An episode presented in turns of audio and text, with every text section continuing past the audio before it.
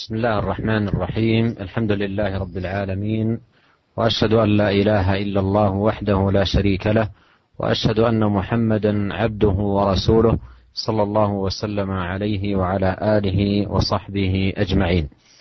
أما بعد أحييكم جميعا بتحية الإسلام فسلام الله عليكم ورحمته وبركاته ونشرع مستعينين بالله في الحديث عن حديث هذا اليوم والتعليق عليه بما يسمح به وقت هذا البرنامج.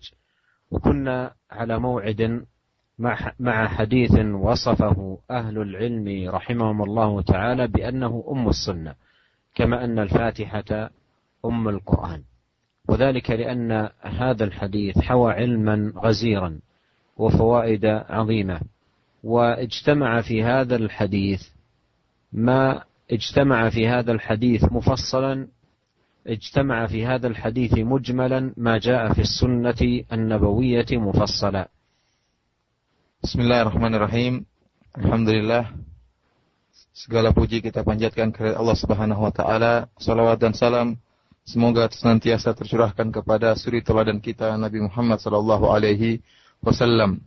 Uh, Syekh Hafizahullah membuka pengajian kita kali ini dengan uh, tahiyat ahli Islam. Assalamualaikum warahmatullahi wabarakatuh.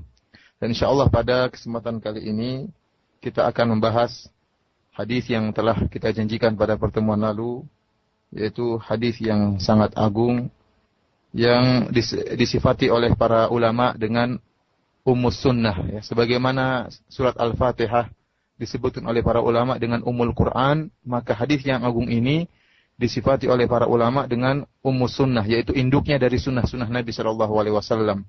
Kenapa? Karena begitu banyak faedah yang diambil dalam hadis ini betapa besar kandungan yang terkandung dalam hadis ini.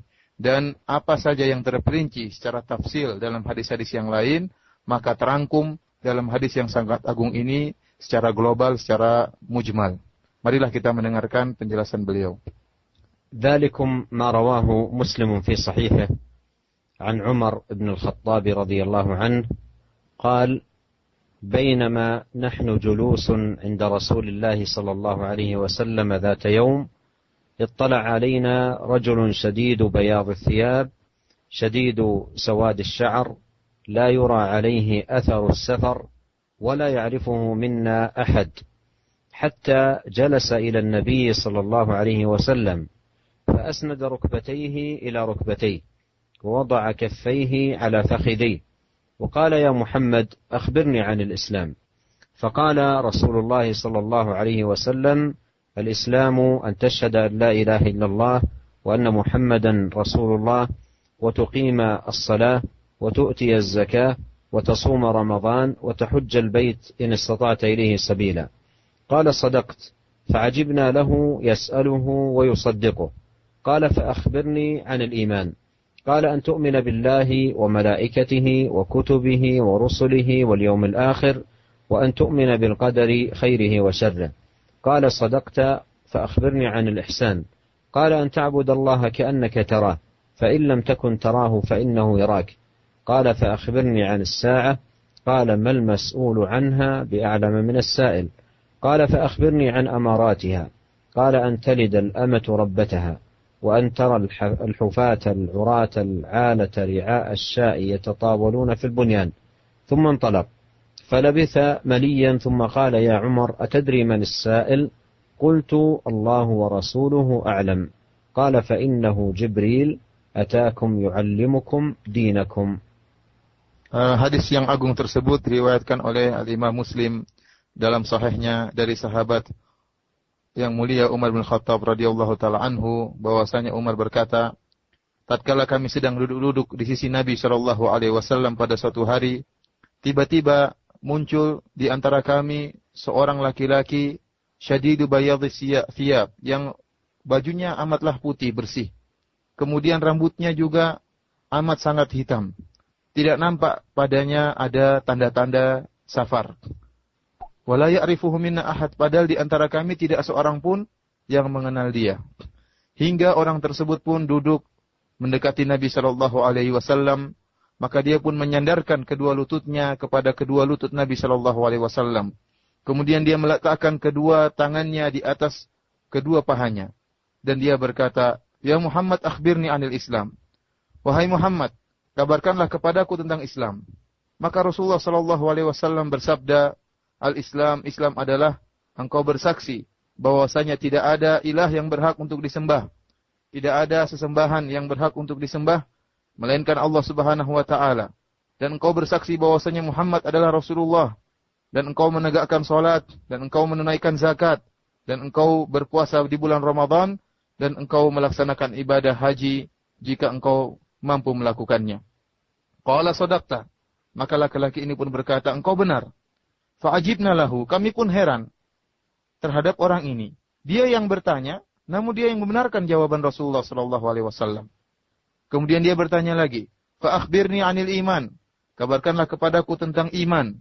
Maka Rasulullah SAW menjawab, iman adalah engkau beriman kepada Allah dan malaikat-malaikatnya dan beriman kepada kitab-kitab Allah, para rasul-rasul Allah dan beriman kepada hari akhir. Serta engkau beriman kepada takdir yang baik maupun yang buruk. Dia berkata sodakta. Orang ini pun berkata, engkau benar wahai Muhammad. Kemudian dia bertanya lagi, fa'akhbirni anil ihsan. Kabarkanlah kepadaku wahai Muhammad tentang ihsan. Maka Rasulullah SAW berkata, Anta'budallaha ka'annaka tarah, fa'illam takun tarahu fa'innahu yarak. Yaitu engkau beribadah kepada Allah Subhanahu wa taala seakan-akan engkau melihat Allah. Dan jika engkau tidak mampu untuk melihatnya, maka yakinlah bahwasanya Allah melihat engkau. Dia berkata lagi, yang Muhammad kata, kabarkanlah kepadaku tentang hari kiamat. Maka Rasulullah sallallahu alaihi wasallam menjawab, "Mal mas'ulu anha bi'alama minasail." Sungguhnya orang yang ditanya tidak tahu, tidak lebih tahu tentang jawabannya daripada yang bertanya. Dia berkata lagi, "Kabarkanlah kepadaku wahai Muhammad tentang tanda-tanda hari kiamat." Maka Rasulullah sallallahu alaihi wasallam menjawab, "Antalidal amatu rabbataha," yaitu seorang budak wanita melahirkan tuannya sendiri. Dan engkau akan melihat orang-orang yang tidak memakai alas kaki dalam keadaan tidak memakai baju al-alah dalam keadaan miskin kemudian apa e, merupakan penggembala kambing. Apa yang mereka lakukan? Ya tatawaluna fil bunyan. Mereka berlomba-lomba dalam membangun e, bertinggi-tinggian dalam membangun bangunan. Thumman talaqa falabisa maliyan. Kemudian akhirnya orang ini pun pergi dan Umar pun diam Kemudian Rasulullah SAW berkata, Wahai Umar, atadri manisail? Tahukah engkau, wahai Umar, siapakah yang bertanya tadi? Kata Umar, Allah wa Rasuluhu a'lam. Allah dan Rasulnya yang lebih mengetahui. Maka Rasulullah berkata, Fa'innahu Jibril atakum yu'allimukum dinakum. Sungguhnya laki-laki tadi yang bertanya adalah malaikat Jibril. Dia datang kepada kalian dalam rangka untuk mengajarkan agama kalian. هذا الحديث العظيم اشتمل أيها الإخوة المستمعون على فوائد عظيمة جدا. وألخص في لقائنا هذا بحسب ما يسمح به وقت هذا البرنامج بعض الفوائد التي تستفاد من هذا الحديث العظيم. ومن ذلكم ما في هذا الحديث من فائدة تتعلق بالإيمان بالملائكة. والإيمان بالملائكة هو أصل من أصول الإيمان. والملائكة خلق من خلق الله وجنود من جنوده. جعل الله لهم من الخصائص والصفات والوظائف والأعمال. ما جاء مبينا في كتاب الله وسنة نبيه صلى الله عليه وسلم. فالإيمان بذلك من الإيمان بالملائكة والإيمان بهم من الإيمان بأصول الإيمان العظيمة. و من الإيمان بالملائكة ما أقدر الله سبحانه وتعالى عليه الملائكة من التشكل. فهذا جبريل أتى إلى الصحابة على صورة أعرابي على صورة رجل. مع أن صورة جبريل الحقيقية لما رآه النبي عليه الصلاة والسلام رآه وقد سد الأفق وله ستمائة جناح. فتلك صورته الحقيقية أما هذه صورة أقدره الله إلى التشكل والتحول عليها أن يتحول ذاك الجسم العظيم إلى هذا الجسم الصغير جسم الرجل الأعرابي Uh, hadis yang agung ini mengandung banyak sekali faedah-faedah yang sangat kita perlukan. Akan tetapi, insya Allah hanya diringkas pada beberapa faedah saja, mengingat waktu yang terbatas dalam pengajian kita kali ini. Di antara faedah-faedah yang terdapat dalam hadis ini yaitu faedah-faedah yang berkaitan dengan iman kepada para malaikat. Ya.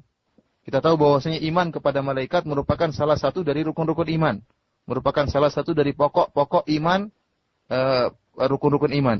Dan kita ketahui bahwasanya malaikat, mereka para malaikat adalah makhluk Allah Subhanahu wa taala.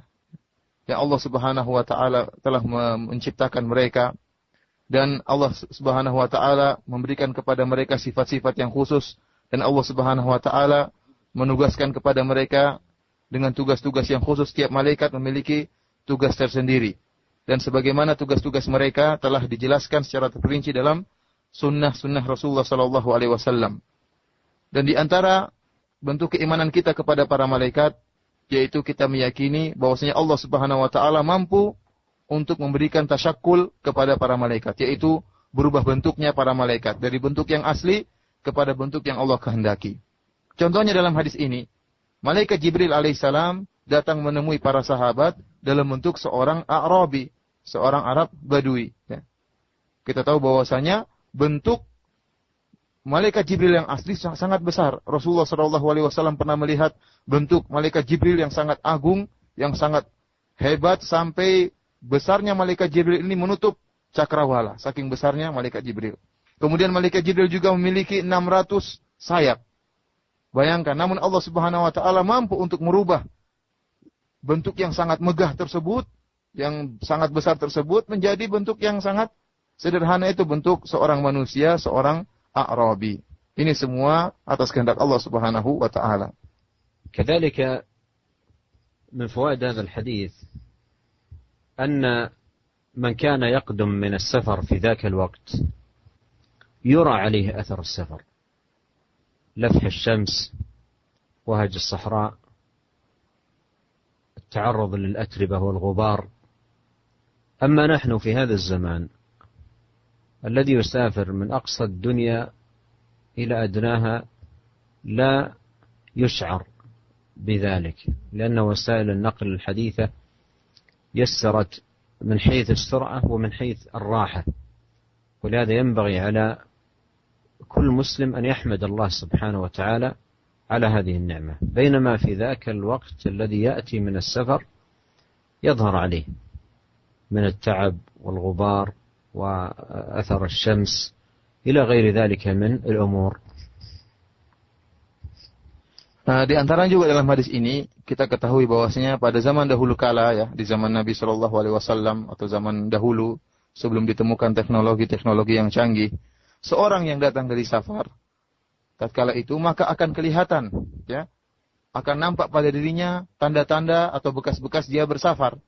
Misalnya mungkin panasnya matahari yang mungkin membuat kulitnya agak hitam atau e, debu yang e, tatkala dia bersafar melewati padang, padang pasir. Kemudian rasa letih yang nampak sekali terlihat pada e, tubuhnya atau kemudian koyaknya baju bajunya, rambutnya yang e, tidak beraturan. Ini semuanya merupakan tanda-tanda orang yang bersafar. Berbeda dengan zaman sekarang.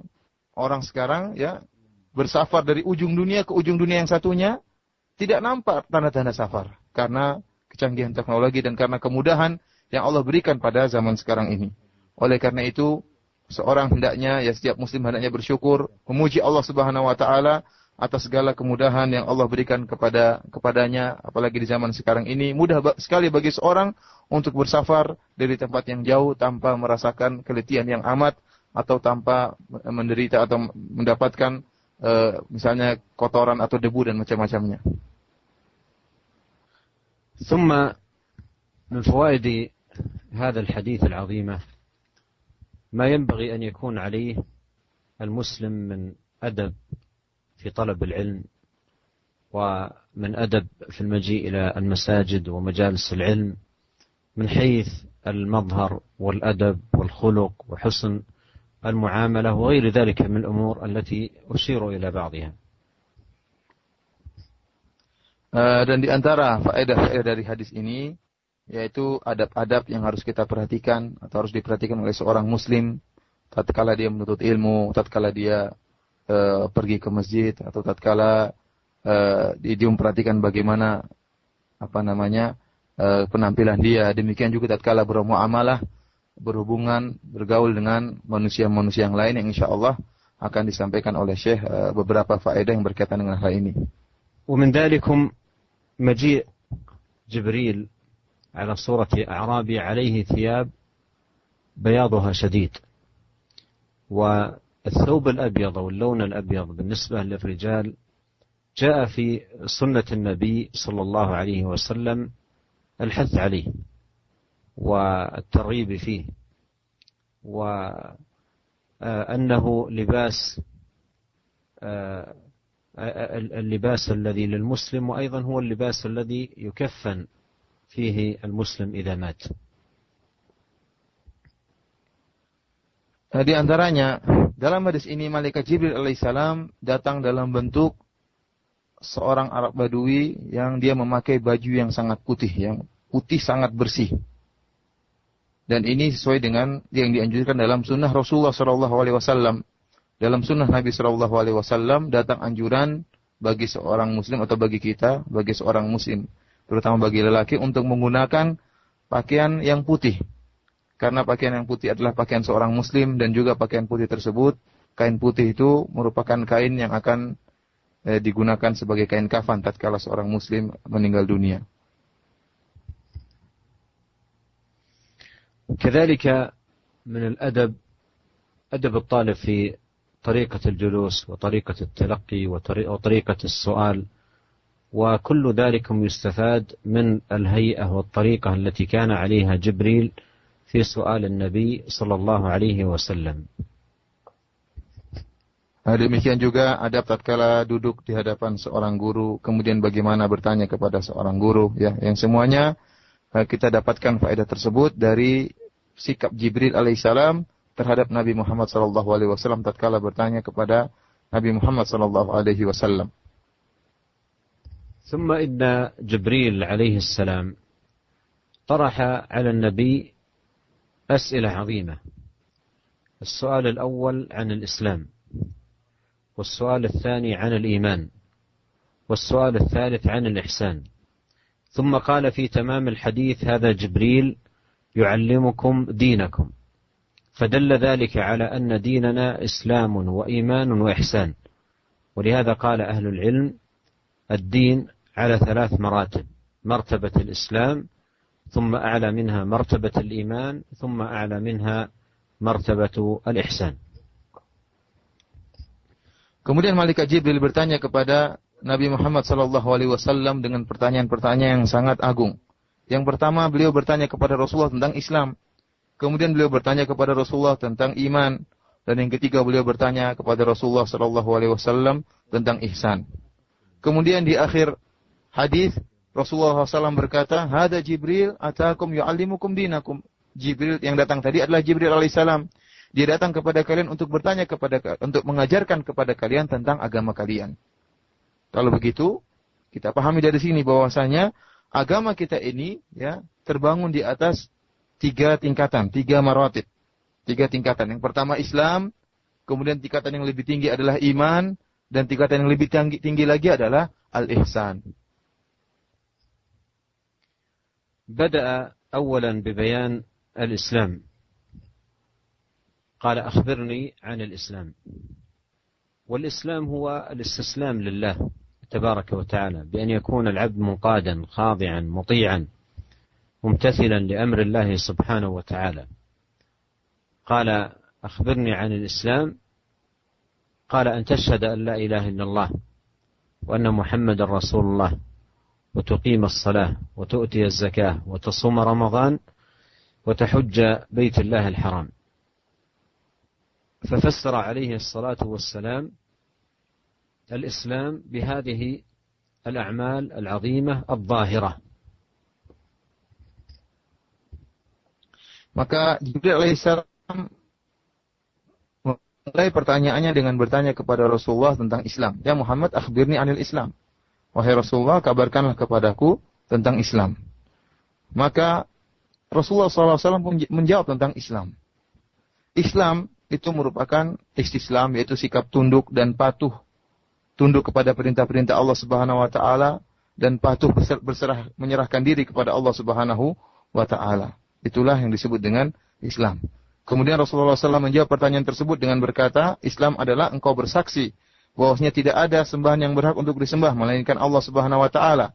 Dan engkau bersaksi bahwasanya Muhammad adalah Rasulullah. Engkau menegakkan salat, membayar zakat, berpuasa di bulan Ramadan dan engkau berhaji ke Baitullahil Haram. Maka Rasulullah SAW dalam hadis ini menafsirkan Islam dengan syariat-syariat yang zahirah, ya, yang nampak. Jadi Rasulullah menafsirkan Islam dengan perkara-perkara yang zahir. وفي بدء النبي عليه الصلاة والسلام بالشهادتين بيان المكانة العلية لهاتين الكلمتين في الدين وأنهما أعظم مباني الإسلام. وشهادة لا إله إلا الله هي الشهادة له سبحانه وتعالى بالوحدانية وشهادة أن محمد رسول الله هي الشهادة له بالرسالة